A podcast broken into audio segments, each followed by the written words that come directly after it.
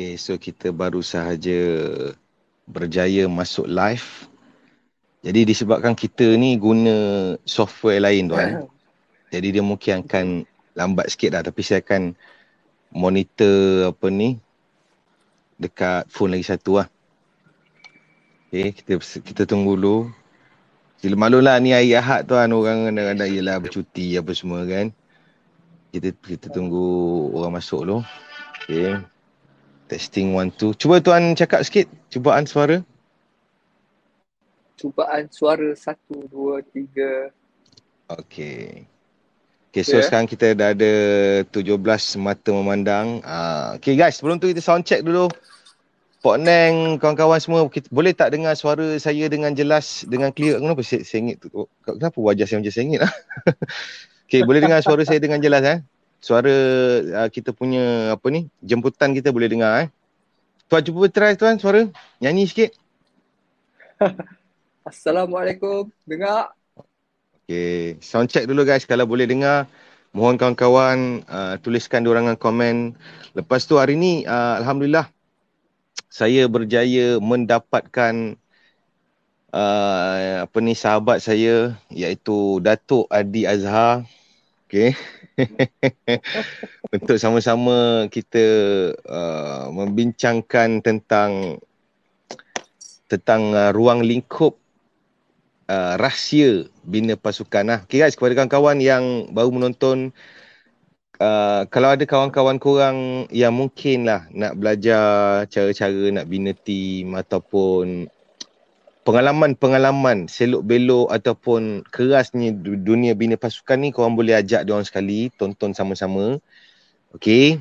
Uh, sebab hari ni bersama saya seorang sahabat saya yang juga berpengalaman dalam bidang sales dan juga aktif uh, membangunkan pasukan jualan. Okay, tuan, sebelum tu tuan, kita insyaAllah cukup 100 mata memandang kita start ah eh. Sebelum tu kawan-kawan boleh tak kita nak tahu boleh tak kita nak tahu kawan-kawan semua menonton live ni daripada mana guys? Okay, korang ayah hat tak pergi bercuti ke? Dahsyat lah macam Tuan Nadi sendiri pun tak bercuti nampak ada di rumah kan masa uh, meeting dengan team dahsyat eh. Sebelum tu guys, kawan-kawan boleh tak nak tahu ke korang semua menonton daripada mana? Okay, untuk mereka yang baru menonton ni insyaAllah 100 mata memandang kita akan start. Okay? Nama saya Azri atau lebih dikenali sebagai Azri Walter. Saya adalah seorang usahawan yang makan di pinggan, minum di cawan, tinggal di atas Bukit Cendawan. Saya bukan sifu, bukan mentor. Mungkin ada yang baru first time menonton. Okay, kita dah sampai 100 orang. Lia Abdullah daripada Sabah, Tuan Said Imran Arifin Al-Idrusi Estaplanta daripada Jerman. Dahsyat Tuan, daripada Jerman pun ada menonton live kita ni. Daripada Ipoh. Okay, sebelum tu. Daripada Jerman. Wah, Jerman. Okay. Dahsyat Tuan, dia orang kadang-kadang senang je. Senang je sekarang ni untuk pergi Jerman. Kita tulis je kita kat Jerman. Bukan susah. okay. Okey tuan, uh, sebelum tu sebelum kita start ni boleh tak tuan kenalkan diri sikit tuan? Okey, uh, assalamualaikum pada semua yang menonton uh, live Hafiz Ajil Walter.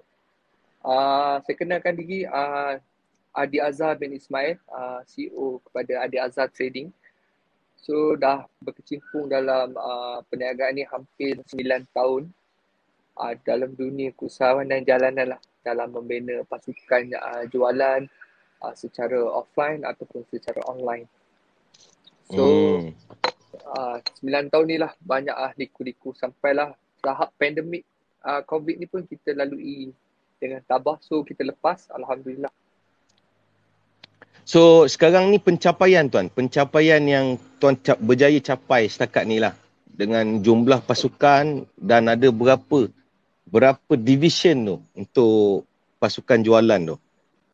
Okey, uh, okey alhamdulillah. Um, pencapaian uh, uh, sewaktu uh, dua tahun lepas tu sebelum uh, pandemik uh, COVID ni uh, melanda dunia. So, uh, saya fokus kepada pembinaan pasukan offline iaitu menjual di jalanan lah. Direct uh, selling? Bila, uh, uh, direct selling lah face to face. Uh, kita membina, ahli, uh, membina pasukan, kita rekrut uh, melalui semua platform tuan melalui offline, uh, flyers. Walaupun uh, flyers ni agak old school uh, kalau nak ikutkan dalam keadaan pengedaran zaman sekarang tapi uh, dia punya ROI ataupun dia punya return of investment dia uh, sangat sangat sangat sangat bagus. Maksudnya uh, walaupun kita tam, tampal uh, flyers tu so return untuk kita dapat recruitment kita dapat orang untuk call kita so lebih tinggi chancesnya lebih tinggi dan dia sangat uh, jimat daripada segi cost right? hmm. tapi selepas 2 tahun pandemik ni yang berlaku hampir 2 tahun 3 tahun ni so saya juga mengalami uh, sedikit astak ataupun sedikit cabaran bila pasukan tidak boleh membuat jualan ya apabila hmm. kita semua uh, ditakdirkan untuk uh, apa PKP work from home jadi kat situ ada sedikit kebuntuan tetapi alhamdulillah hmm. tuan, uh, bila datangnya ujian ni apa yang saya nampak, kita tak boleh cepat terlalu sangat uh, gelabah ataupun terlalu takut. Uh, hmm. Sebab masa masa-masa kena tu hari pertama hari kedua tu memang saya ada rasa takut lah. Sebab tuan bayangkanlah sales kita tiba-tiba pernah cecah ratusan ribu tiba-tiba dapat puluhan ribu saja sebulan. So ada, hmm. ada sedikit rasa macam uh, risau. Tapi memang saya serahkan semuanya pada Allah lah tuan. Berserah tapi usaha. Tapi memang saya serahkan semuanya pada Allah. Sebab masa tu jalan tak nampak lagi. Saya rasa inilah saatnya terkuburnya pasukan face to face Malaysia ni. Maksudnya hmm. sebab dua tahun satu tempoh yang sangat labah. Tapi selepas dua tahun tu lah proses saya keluar dia. Sebenarnya tekanan yang saya hadapi ni adalah tekanan yang baik sebenarnya tuan. Tekanan ni lah yang membuatkan tak saya berfikir untuk tu tidak selesa dengan satu keadaan iaitu platform offline saja yang saya buat. Jadi apa yang menekan saya dalam keadaan pandemik ni bila melihat ramai juga rakan-rakan ataupun ahli-ahli perniagaan lain yang mungkin terkesan ataupun sampai tutup kedai, saya ambil peluang ni untuk nampak peluang lah. Maksudnya saya cuba untuk keluar daripada uh, apa kebiasaan. Kebiasaan. Hmm. Maksudnya saya uh, kebiasaan lah. Saya pergi mencari melalui call, telefon kawan-kawan untuk belajar tuan. Uh, belajar macam mana nak menjual secara offline. So, online daripada eh? Si, uh, se- secara online. Tapi sebelum nak jual online tu macam-macam lah tuan. Uh, cabaran lah. Bukan terus jadi. Kita ambil tempoh hampir setahun, 6 bulan setahun jugalah untuk dapatkan result. So Alhamdulillah, uh, 2 tahun tu penuh dengan tim runtuh tapi kita tahu nadi sesuatu bisnes itu adalah manpower. Jadi hmm. saya rasa uh, apa-apa pun kalau kita dah mahir tentang uh, jualan ataupun technical ads ke apa, kalau kita tak ada pasukan, benda tu tidak juga boleh pergi jauh. Jadi tak boleh grow lah eh, susah nak grow. Tak boleh grow. Susah nak grow. Jadi saya letakkan pembinaan pasukan ni adalah nadi utama nadi utama oh. saya. Jadi apa yang saya okay. buat, saya panggil tim leader yang ada adalah kita jangan berhenti rekrut. Walaupun hmm. dalam masa yang sama kita nampak peluang ramai orang diberhentikan kerja. Ramai hmm. orang hilang pekerjaan. Waktu ni lah kita ambil peluang untuk beri pekerjaan pada orang. Dan bila kita beri dan kita educate lah dia macam mana nak menjual dalam keadaan pandemik ni. Dan Alhamdulillah tuan, lepas tu sewaktu COVID saya hilang 50 orang selepas COVID saya ada 200 orang tuan. Inilah oh. inilah orang kita cakap uh, hikmah ha? Tak tahu lah tuan. Hikmah, keajaiban Allah beri pada orang yang sabar. Saya rasa saya sabar waktu tu. Sabar walaupun sampai saya, saya, sampai saya, sampai jual ikan bilis kan masa PKP tu kan. Ma, ma, ikan bilis mata biru bilis, kan. Ikan bilis mata biru. Keras. Uh, tuan, okey tuan. Uh, okey, mungkin kawan-kawan kita tak tahulah macam tuan dengan saya banyak persamaan lah. Antaranya tuan juga bermula di jalanan tuan. Boleh tuan cerita sikit pengalaman tuan menjual direct selling di jalanan ni berapa berapa tahun tuan? Lepas tu pengalaman road trip, pengalaman apa ni masuk jumpa orang masuk kat bilik guru, kena campak barang-barang. Ini inilah kita nak cerita sebelum orang nampak apa yang kita ada sekarang ni. Pengal yalah sebenarnya saya pun ada banyak gambar yang saya tak sempat ambil sebenarnya. Betul tak? Sebab zaman dulu kita mana tahu nak kena ambil gambar. Ha, kan? Handphone pun apa ni kamera pun tak apa ha, ya apa 3310 mungkin tuan boleh cerita sikit pengalaman tuan. Menjual di jalanan ni macam mana? Saya menjual di jalan ni start pada umur 18 tahun. Bagi kawan-kawan yang tengah live ni, saya umur 18 tahun ni saya dah start uh, direkrut oleh Sanwan ni. Dia rekrut untuk buat jualan. Jadi first, first, masa buat jualan, kita memang nampak macam kerja ni macam dia Berapu. hanya sampingan ataupun berapu je untuk kita nak cari uh, untuk duit survival harian. Lepaslah makan minum. Tetapi sebenarnya uh, jualan ni boleh jadi satu kerjaya, career, career yang sangat baik lah. Sebab uh, masa tu okey perjalanan tu memang memang perik tuan. Pada umur 18 tu sampai 24 tahun. So hampir 7 tahun saya di jalanan, uh, dah pusing satu Malaysia uh, menjual secara face to face dan macam-macam saya jual tu. Tos slide lah, token lah, pen lah, buku lah. Macam-macam lah kan. Hmm. Uh, tapi dekat situ lah tuan. Dekat situ sebenarnya bagi saya lah eh. Bagi saya kekuatan yang saya dapat adalah pada tujuh tahun lepas. Yang saya ambil tujuh tahun lepas ini, saya ambil sebagai pengalaman saya dan saya nampak ada banyak peluang yang mana apabila kita menjual secara attack, chances untuk closing itu lebih besar. Uh, maksudnya Hmm. uh, dan kita tak kita, yang paling best waktu tu tuan saya hanya menggunakan produk orang. Okay, Konsepnya Hmm. hampir sama macam trading tuan. Ada Trading lah, memang dan- memang trading lah. Kita ambil barang kat orang, kita jual. trading. Maksudnya tak tak ada buat Betul, produk tak- sendiri lah. Tak ada. Saya ada dua dua ribu ke seribu setengah. Saya tak ingat dah. Tapi dalam lingkungan macam tu, itulah duit yang saya ada. Saya, itulah lah saya nekat. Saya nak beli satu stok. Dua ribu ke seribu setengah. Saya beli habis semua tu. Saya ambil pada hari tu. Dan saya start menjual. Menjual Hmm. hmm. orang lah. Menjual, menjual. Dan saya nampak. Um, bila kita bawa benda yang yang benda yang betul. Bukanlah benda yang betul. Maksudnya kita ada niat yang betul. Tujuan kita hanya untuk nak menjual, untuk cari rezeki. Jadi Hmm. penerimaan orang, penerimaan orang untuk membeli tu ada. Rejection memang ada tuan. Kita jumpa orang Hmm. sebab mana-mana pun kita kena reach ramai orang kan. Tapi Hmm. daripada yang tak nak tu, dia mendekat kepada nak. Dia dia Hmm. bila orang tu cakap tak nak, tak nak, tak nak kita geram tau. Kenapa tak no will bring yes lah eh. Ah, ya, betul tuan. Tuan, okey, satu tuan, satu tuan. Uh, okey, pengalaman jatuh tuan. Okey, tuan pernah cerita kat saya, tuan pernah ada dalam 30 orang ahli pasukan, jualan sebulan uh, cecah 6 angka kan, 30 ahli pasukan, tiba-tiba roboh, runtuh yang tuan sampai menangis dalam rumah. Boleh cerita tak tuan Oh. pengalaman tu? Masa tu dekat Teluk Intan, boleh cerita okey? Betul tak? Masa tu di Teluk Intan saya ada hampir 38 orang. Ah ini ini kesilapan saya lah. Kesilapan ini yang saya belajar dan alhamdulillah menjadi bekalan saya untuk yang ke depan ke depan ni. Apa yang berlaku Hmm. pada saya bila saya dah berjaya membina satu pasukan. Alright, bila kita bina satu pasukan ni tuan, benda yang pertama yang paling penting kita mesti bina key leader lah. So saya berjaya membina 5 atau 6 key leader saya. Supaya Key leader eh. Guys, kawan-kawan ingat eh. Kena ada key leader. Maksudnya seorang tak boleh lah. Kena ada key leader. kena ada key leader tuan. Sebab Hmm. 38 orang, kita seorang nak handle, kita tak dapat nak bagi kom- command kita kepada 38 orang ni. Dan kita pun tidak Hmm. boleh nampak rutin harian 38 orang ni. Jadi kita Hmm. kena pecah dan perintah. Maksudnya kita pecahkan sedikit, kita leverage lah tugasan kepada leader ni. Ah, Kepada Hmm. key leader lah. Tapi bila kita dah lantik dia sebagai leader, kita mesti beri dia satu habuan yang menarik supaya benda tu win. Tak semestinya, okay Hmm. saya naikkan you sebagai leader tapi dia tak ada dapat certain benefit. So, no Hmm. point untuk dia jadi leader.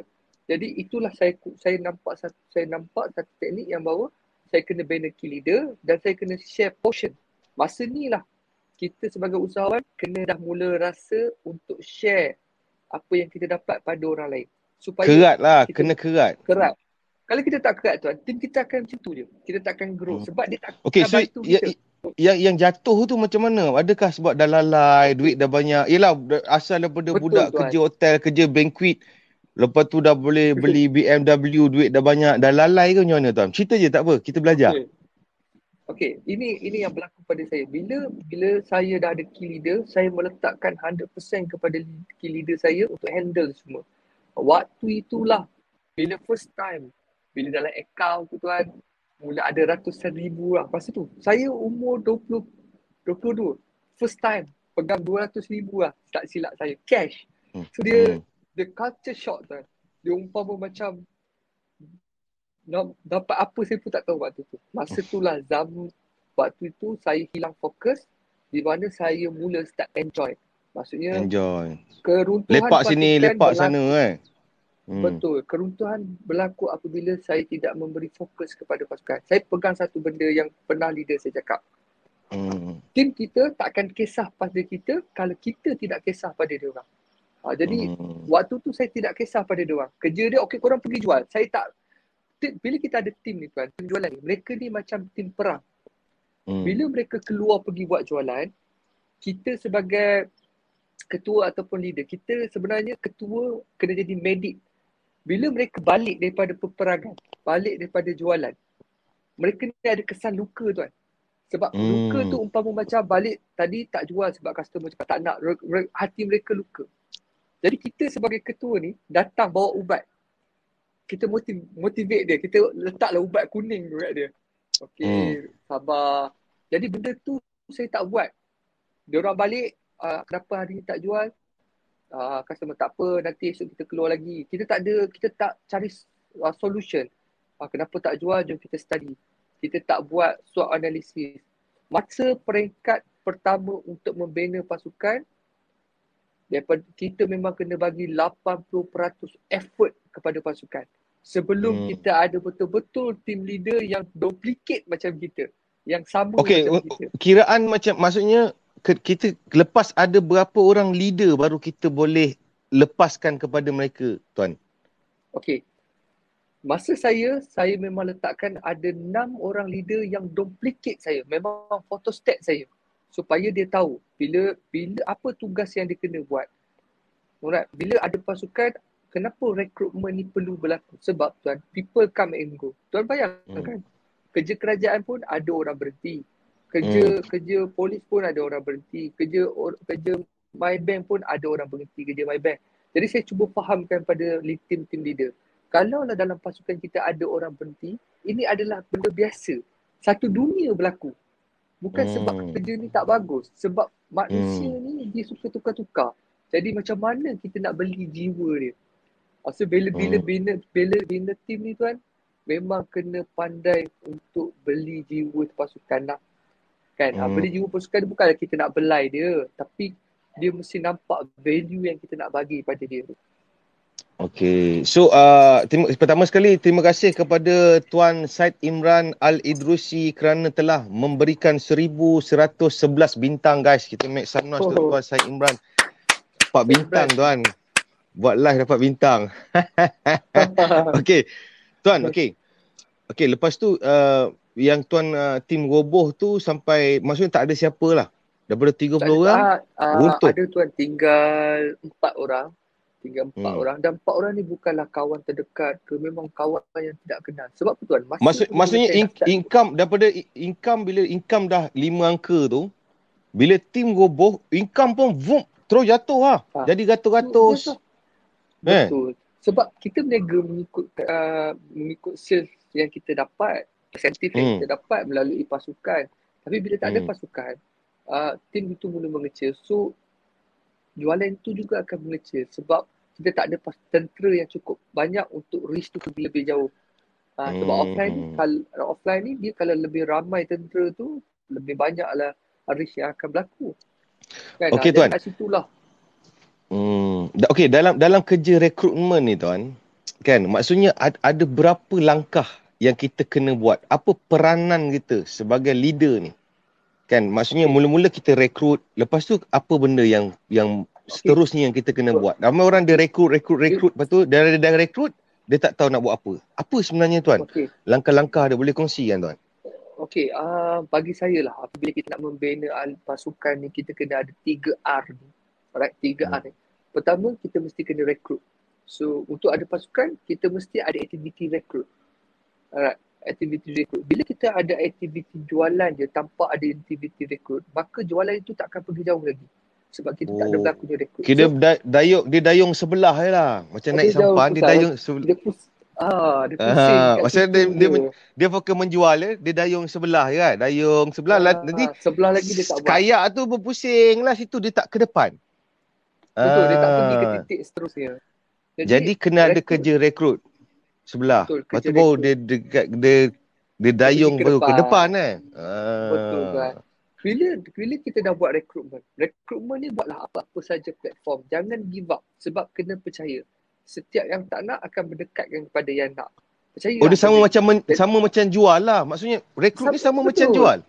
Maksud Ya, ak- akan ada orang reject kita. Kalau kita jual barang ada orang reject. Rekrut pun ada orang reject. Ya, Ah. cuma cuma rekrut ini dia punya risk tu tinggi sikit. Dia punya LOA tu tinggi sikit. Macam menjual, kita mungkin jumpa 10 orang, 2 3 orang beli, seorang beli. Macam rekrut ni sebab kita nak rekrut fighter. Fighter ni tuan, dia bukan simply-simply je. Fighter ni memang nak susah nak jumpa. Dia umpama permata. Jadi mungkin dia dia 100 orang dia jumpa baru seorang dia dia akan dapat. Maksudnya 100 orang dia tabur fire bagi name card mungkin seorang akan dapat. Okey. Bila dia dah rekrut, dia mesti kena retrain tuan. Dia kalau dia rekrut je tapi dia tak retrain. So yang rekrut tu akan die, akan mati. Retrain, Sebab dia tak retrain retrain. macam mana tu ah, retrain tu? Retrain ni dia kena ajar, ajar dan mengajar. Dia Latih semula. latih semula. Dia dah rekrut, dia latih semula yang rekrutmen tu, apa yang perlu dibuat dan latihan ni tuan perlu latih tubi yang yang memang memang jenis Pascal ni. Kalau dulu jual memang kena latih dia every day. Kan? Sebab bagi saya mana-mana lah atlet yang nak bagus pun mereka punya latihan tu tuan saya rasa Hmm. mungkin bukan yang biasa-biasa latihan betul tak tuan? Jadi bagi Hmm. saya untuk dapatkan juru jual yang padu kita mesti berlatih dia uh, latihan yang sangat cukup-cukup untuk dia faham lah. So jadi dia Hmm. kena dia kena retrain. Jadi bila dia dah retrain nombor tiga, tiga, ah, tiga R eh, satu lagi R, dia mesti kena retain. Dia mesti kena belajar macam mana nak kekalkan rekrutmen yang dia rekrut tadi tu. Oh. Dia kena retain pasukan tu. Dia kena retain budak ni. Jadi macam mana dia nak kekalkan? Kalau dia sendiri tak retain tadi, cara mengajar, menjual, apa semua, dia kena retain, beritahu kenapa dia, dia menjual hari ni.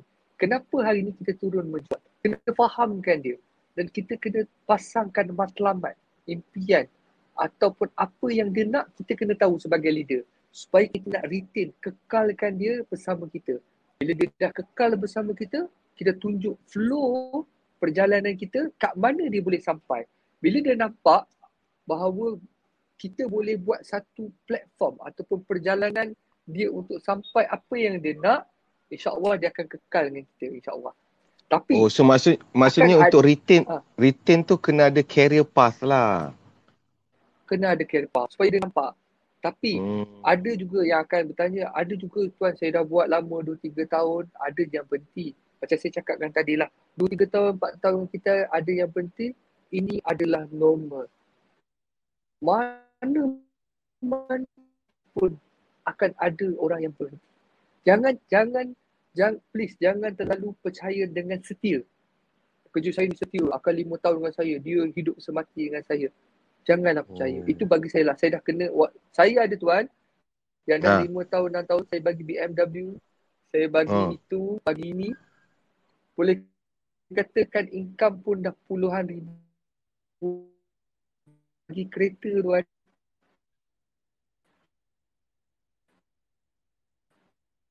Kan? Ha, jadi soal setia ni kita, manusia ni hati dia kita tak boleh pegang. Allah je boleh pegang hati. Jadi kita boleh boleh kawal dia buat sekadar yang kita boleh kawal. Welcome dia bodoh kita. Dia, eh, ha, kita dengan dia mungkin 4 tahun. Eh, percayalah Allah tu nak ganti orang yang lebih daripada 4 tahun yang bersama kita tu yang Tuan, Allah kejap, Tuan. Kejap, kejap, kejap, kejap. Kejap kejap apa ni sangkut lah line sangkut. Jap. Jap jap. Dia dah start apa dah start lag. Jap eh. Tadi yang point tuan cakap tu tadi tu sangkut tuan. Ah. Masya-Allah. Kejap kejap. Dia dia macam dulu lah macam saya tengah dribble bola. tapi time test score Dola Salih tengah bagi ikan makan. Dia tak perasan. Alamak, hilang dah. Aduh. Sekejap guys, kawan-kawan, korang masih bersama saya ke? Kita mengalami kesangkutan ni. Ternyata internet bana ni mencemburi. Terima kasih Pak Neng untuk seribu bintang. Alamak, dah hilang lah. Aduh. Kong masih dengar ke saya punya suara? Bukan mudah guys. Uh, lain Tuan Adi tak apa isbah kan? Saya okey eh? Saya punya okey. Tuan Adi tadi, aduh sayang lah. Tadi point tu, tengah point tu, tengah point tu. Inilah yang dinamakan tengah dribble bola dan skor Dola Salih tengah bagi ikan makan aduh kegas tuan Okay, terima kasih Pak Neng, seribu bintang. Terima kasih Tuan uh, Said Imran, Arifin Al-Idrus, Al-Esta Planta, Isbah, seribu seratus sebelas bintang. Masya Allah. Terima kasih juga kepada Jimmy XS, tiga ratus sepuluh bintang. Okay. Puan Dila, Waalaikumsalam semua. Okay, so masa apa di je eh. kita kita jemput balik tuan Imran uh, tuan uh, Adi Azhar kita. Okay. Okay tuan, hello testing. Oh, testing. Ah, aduh, tuan tadi oh, tengah cakap tu dia sangkut tuan. Oh. Ah, oh, cuba tuan empat. Cuba empat sikit handphone tu. tadi yang yang apa ni maksudnya ja, never depends on single talent. Maksudnya Ja, jangan rasa bahawa yang ada sekarang bersama kita akan setia sehingga tiupan sangkakala. Betul tuan. Uh, tidak based on pengalaman tuan boleh. tadi macam mana tuan tuan ada orang kanan yang tuan dah bagi kereta BMW pendapatan dah lima angka lepas tu dia hilang. Kan bawa lagi kereta, bawa lagi duit ni. Boleh tuan cerita sikit pengalaman ni macam mana? Okey, inilah pengalaman yang saya nampak. Bila bila saya meletak letakkan uh, pada orang yang betul-betul saya dah hampir 5-6 tahun dengan saya. Saya berikan segala-galanya lah, jiwa, raga. Saya oh. sampai percaya dan meletakkan dia dalam dalam company, uh, nama, apa semua. Hmm. Tapi sebenarnya uh, kita kena hati-hati lah juga bahawa tak semua orang walaupun uh, kawan rapat ke ataupun perniagaan ni ke uh, kadang-kadang orang kita tak tahu lah hati orang eh merah mata apa semua tapi pengalaman saya memang ini yang berlaku bila bila saya meletakkan harapan kepada orang kanan dan akhirnya orang kanan tu gerak bawa sedikit pasukan bawa kereta sailang, yang saya sailang lah. Sailang lah, sailang. Ah, saya pernah kena sailang tuan. Hampir lalu ramai lah. Saya pun tak boleh nak cakap hampir dua tiga key player saya yang hilang bawa pasukan dan uh, hari ni tuan, satu benda je yang saya saya buat sampai hari ni saya tidak pernah DM, tidak pernah PM untuk minta satu sen pun daripada mereka dan minta mereka pulangkan apa saja hak yang saya balik pada saya itu je. Dan bila saya tak buat itu hampir bertahun-tahun tuan dan apa yang saya dapat tuan adalah hari ni kalau tuan ialah tuan selalu lepak dengan saya, tuan sendiri nampak Allah tu hantar pasukan, hantar talent-talent yang lebih baik daripada empat tahun, lima tahun yang pernah bersama saya dulu. Jadi hmm. macam tuan cakap tadi ah jangan letakkan hati pada seseorang tu ter, ter, terlalu terlalu sangat sehingga kan nanti tak, tak boleh tak boleh simpan dalam tak boleh simpan dalam hati lah eh. Letakkan tangan ni eh. Dia, dia okay, tuan. Betul tuan. Ah okey okey. Sebab bagi saya hati manusia ni kita tak boleh pegang. Allah je yang boleh pegang. Memang hmm. tak boleh pegang dia. Dia, dia kena nak gerak tuan. Maksudnya empat tahun tu lah rezeki kita dengan dia. Rezeki dia dengan kita. Jadi kalau kita pergi mesti tak ada niat nak inaya dia ke apa. Kalau dia ada inaya kita, terpulang. Tapi kita percaya satu benda. Bila dia gerak, kita tak ada untuk nak inaya dia ke apa. Mesti kita akan dapat orang yang lebih better. Okey tuan, pengalaman tuan. Tuan rasa lah banyak bina tim jatuh dan tuan banyak pengalaman lah kena berurusan dekat apa balai polis dan sebagainya bagi kereta kat budak, budak tu lari tinggal kereta tengah tepi-tepi highway macam-macam tuan.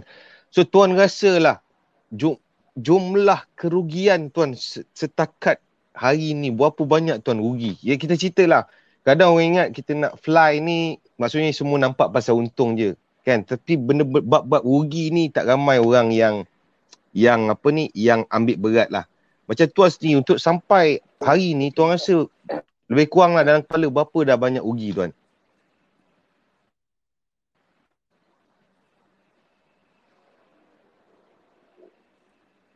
Okey tuan. Sejujurnya hampir jutaan ringgit tuan. Sebab konsep yang saya buat adalah setiap kali ada player baru, saya akan beli kereta tuan. Ada yang kereta total loss, ada yang kereta yang dibawa lari. Ada uh, duit cash sebab kita bila jualan face to face ni dia orang bawa cash. Dia orang dapat cash.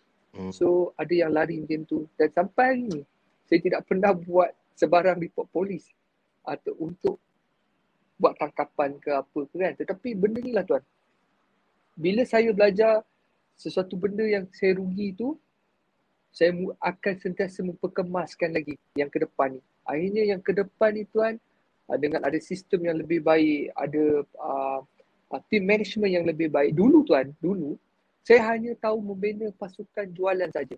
Dan baru saya tahu bila adanya pasukan jualan, kita mesti kena ada team management yang boleh manage pasukan jualan kita. Kalau kita oh. ada pasukan jualan yang besar, tiada pasukan belakang yang backup iaitu management, maka kita akan jadi uh, jadi kelang kabut lah. Kita akan banyak loss. Kita nampak ada sales tapi sebenarnya sales kita ada kebocoran. Ha, ini yang berlaku uh. pada saya. Terlalu fokus kepada sales sehingga saya lupa bahawa management adalah satu pasukan yang perlu ada dalam kita punya satu organisasi eh. Dalam satu syarikat management organisasi. Tapi tuan, kita punya kawan-kawan kat Isbah Kingdom ni dia tak berapa puas hati lah sebab sebab line tak berapa ni. Line tu sangkut lah. Boleh tak tuan line. hempaskan handphone secara, secara langsung tuan? line tu dia sangkut-sangkut. Tapi sebab poin-poin pengalaman ni semua. Tuan, saya. Ah tuan, saya macam saya okey. Hmm macam tuan punya line tu. Eh mungkin apa tak, tak tahulah mungkin capaian apa kan. Mungkin tuan kena tinggi sikit, tinggi kan tinggi lagi mungkin atas ke atas pokok ke. Okey live depan depan lah. Okay, betul. Saya kita saya ada ada plan nak nak live dengan tuan Nadi secara langsung kan cuma kita belum sempat uh, untuk berjumpa. Tuan okey sebelum boleh tak sikit kita buka kepada kawan-kawan siapa yang ada soalan nak tanya tentang ca- tentang teknik nak bina pasukan ke ataupun nak urus pasukan ke atau apa-apa dalam ruang lingkup tentang sales ni boleh uh, boleh tanya guys okey kita buka lebih kurang untuk 2 jam soalan silakan selalu orang buka 5 minit boring 5 minit kita buka 2 jam terus soalan okey Terima kasih tuan kerana sudi berkongsi pengalaman sebab Uh, sebab uh, saya rasa TV3, TV9 semua nak jemput tuan, tuan tolak. Kan? Tapi bila Isbah Kingdom menjemput tuan sudilah. Okay? Okay, uh, kita ada soalan daripada tuan uh, Syed uh, Imran, tuan Adi.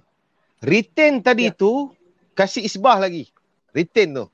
Dia nak tuan retain. hurai lagi dalam retain ni. Apa kerja-kerja retain ni? Kena ada. Okay, kerja-kerja retain ni. Retain ni untuk kita kekalkan dia kekalkan dia dalam pasukan kita. Itu masuk retain. Maksudnya kita ada tiga R tadi. Recruit, uh, retrain dan retain. Eh. Hmm. Yang tadi tadi retain. Okay, retain hmm. ni kita kekalkan. So jadi macam mana kita nak kekalkan? Macam-macam, okay. Macam macam tuan tuan sendiri, apa tuan buat dalam dalam tim tuan supaya tuan mengekalkan budak ni? Semua benda lah.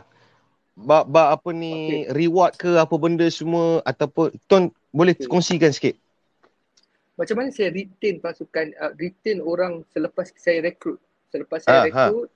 selepas uh, kita ajar apa semua kita retain kekalkan uh. dia okey pertama bila kita dah rekrut kita dah retain dia kita nak kekalkan dia kita kena first kali kita kena bagi dia faham apa konsep bisnes yang kita bawa. Itu yang pertama. Kita nak kena jelaskan dia. Kita kena bagi dia crystal clear bahawa kena selalu maksud okey okey tuan. Uh, sorry. Nak bagi faham ni kena selalu buat betul? Betul. Sebab macam saya, be, macam saya based on pengalaman saya, ada budak ni bila kita bagi tahu dia tentang uh, apa ni tentang peluang career path, Hari ni dia kata dia faham. Tapi minggu depan dia tak faham tuan. Ha, macam Betul. tuan sendiri. Benda, macam tuan sendiri, adakah tuan memang ketika menjual di jalanan tu bila leader cakap kita boleh grow, adakah tuan terus faham ataupun lepas berapa tahun tuan baru faham? Saya faham selepas empat tahun tuan. Ah. Lepas empat tahun baru saya bina team. Okay. Maksud sebelum Jadi, tu sebab... leader leader sampai bersoya lah dia bagi tahu bina team bina team tapi ah, tuan tak nak tuan rasa ah, aku meniaga sendiri dah dapat income Betul. income personal. Betul. Saya ah. rasa nak kena ajar lah. Aku nak cari duit untuk aku tu kenapa nak kena ajar orang lain. Ha, sebab uh, masa tu sebab tu kita kena ada mentality, mentality leader lah waktu tu tapi masa tu tak ada tak ada lagi. Jadi bagi saya macam tuan cakap tadi, bila kita nak retain dia, kita kena fahamkan dia apa yang company nak bagi dia. Jadi benda ni kena cakap hari-hari. Kena selalu. Bukan, kerja, bukan hari ni cakap itu biar. Ha, dia, dia, dia, uh. Aku dah bagi tahu dia dah, dia dah faham. Tak boleh. Macam contoh tuan, okey, macam mana ya? Okey, katalah leader esok bawa dia keluar menjual. Leader menjual dua tiga. Leader tu kena start bercerita. Nampak tak ini konsep jualan, kita jumpa berapa orang, hari ni kita buat income macam ni. Kenapa kita hmm. menjual hari ni? Supaya hmm. three years, two years kita tidak perlu turun menjual dah. Sebab apa? Dalam company ada career path dia. Kita akan pergi ke level ini. Benda ni yang kita kena fahamkan dia. Dan structure itu perlu clear. Maksudnya dalam company yang Tuan uh, Syed Imran ke apa ke tadi, dia ha. kena faham Tuan Bahrum, apa ha? konsep apa konsep yang dia nak buat.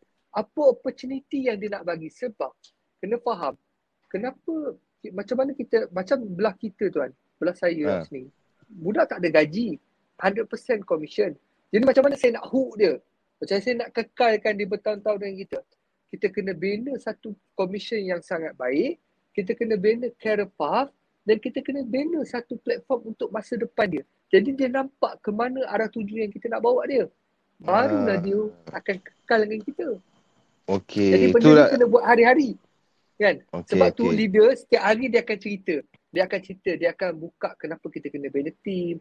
Daripada bina hmm. team ni kita akan dapat persentif. Dia dia kena dia kena elaborate ah benda tu. Dia bagi otak dia sentiasa terbuka. Sebab dia pun tak pernah terfikir yang bahawa dia akan jadi satu, dia jadi usahawan daripada hmm. memang untuk nak pecah icebreaker dia tu mengambil masa yang agak lama.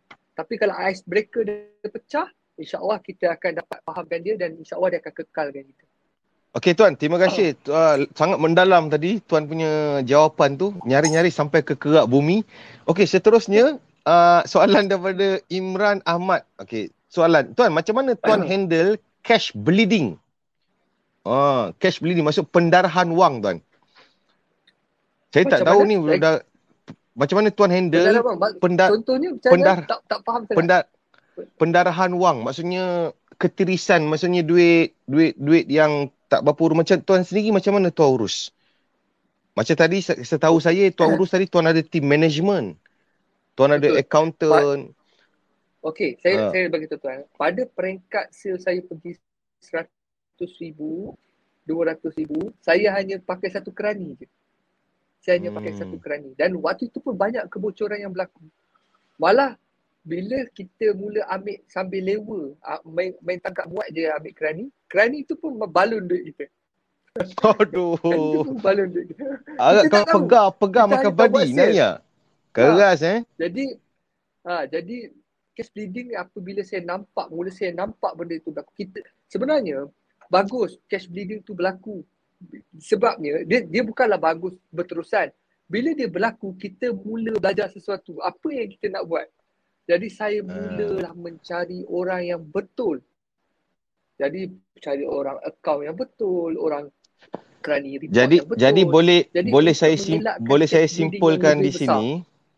Boleh saya simpulkan di sini maksudnya untuk untuk uh, uruskan masalah cash ni tuan create satu flow flow yang tersusun, betul? betul? Maksud daripada start betul. jualan berlaku sehinggalah submission Sampai. semua ada flow yang cantik. Dan uh, saya itu hari tuan ada hantar kat saya, saya tengok tuan sendiri ada bangunkan sistem khas untuk mengurus betul, aliran tunai ni. Jadi maksudnya kunci betul. dia kita tak naklah bagi tahu sampai mendalam. Maksudnya kunci dia kena create flow lah. SOP dan flow betul. kena create dan kita kena educate semua ahli pasukan kita untuk follow the flow. Betul? Betul. Sebab Oh, kita je yang tahu okey. industri kita macam mana kan. Uh, Ha. Okey, seterusnya tuan, soalan daripada Gas Harun. Uh, salam tuan, untuk tim sale ni elok bagi komisen atau gaji basic? Uh, apa pandangan tuan? Okey. Pandangan saya kedua-duanya bagus. Ke, okey, pada peringkat permulaan saya memang menggunakan dia tengok kepada situasi tuan. Macam tim offline saya memang disukakan komisen. Alright, bagaimana kita train dia? Macam mana kita buka minda dia? Macam tim off Hmm. online yang saya ada, kita memang gunakan basic and commission. Jadi Hmm. sebenarnya kedua-duanya ada kelebihan masing-masing. Dia Saya dengar ada cakap, saya, saya, sorry tuan, saya dengar ada ada macam tuan cerita tu hari, ada tim tuan dah biasa dapat komisen, bila nak bagi gaji basic diorang tak nak. Betul. tak nak, mana nak berhenti mana kalau, ah, mana nak cari kat luar sana orang berebut nak gaji basic tapi budak-budak yang tuan ni nak bagi gaji basic pula dia nak berhenti, tak nak. Betul? Betul lah, tak nak. Siap, siap datang depan, depan office ramai-ramai. Jadi kedua-duanya ada kelebihan dia lah tuan. Bagi Hmm. sebab, sebab uh, bagi saya lah tuan Ha, tuan Gas ya, tuan Khas. Ya, guys. Bagi saya sebab uh, ada certain individu ni dia mentaliti mereka datang berbeza-beza. Jadi apa yang saya buat hari ni adalah saya create dua, saya create division. Maksudnya siapa yang nak division basic duduk dekat dekat sini. Ada ketua yang jaga. Siapa nak division commission duduk kat sini. Ah jadi Hmm. kalau commission dia dia macam dia dia punya pergi macam ni. Basic macam ni. Hmm. Ada kelebihan masing-masing. Jadi Dan- yang Dan yang penting sekali tuan, dia kena tengok lah dia punya margin untung dia berapa. betul. Faham tak? Bisnes dia tu. Bisnes dia, dia Betul. kena kira based on bisnes dia. Kan? Sebab ramai orang dia nak buat gaji basic, nak buat ni. Tapi dia punya margin nipis. Itu masalah dia. Faham tak? Jadi dia kena kira betul-betul. Yang mana sesuai untuk Betul. bisnes dia. Okay?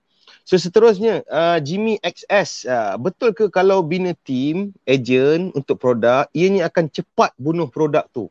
Uh, maksudnya kalau kita bina team ramai-ramai, nanti akan bunuh produk tu. Apa pandangan tuan? Ni bab bu- bunuh Pandangan- membunuh ni saya serah pada tuan lah. Eh? pandangan saya lah eh.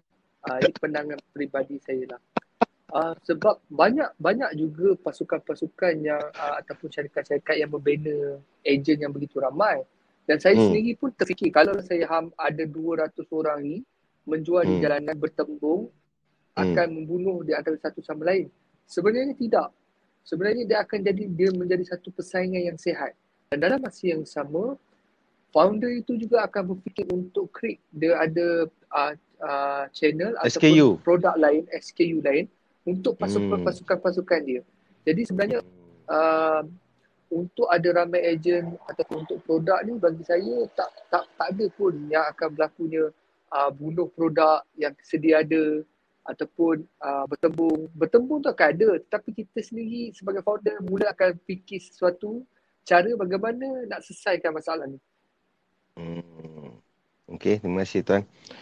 Terima kasih tuan uh, Tuan Hadi jap eh. kita kita make some noise dulu. Kita untuk kawan Ah. kita Tuan Nuzul, terima kasih Tuan Azri usung Tuan Hadi dalam Isbah Kingdom hari ni. Bukan mudah nak dapat dengan Tuan Hadi bersama dalam Isbah Kingdom. Dia bagi 3333 bintang tuan, masya-Allah. Nanti saya akan hantar sikit bintang kat tuan eh.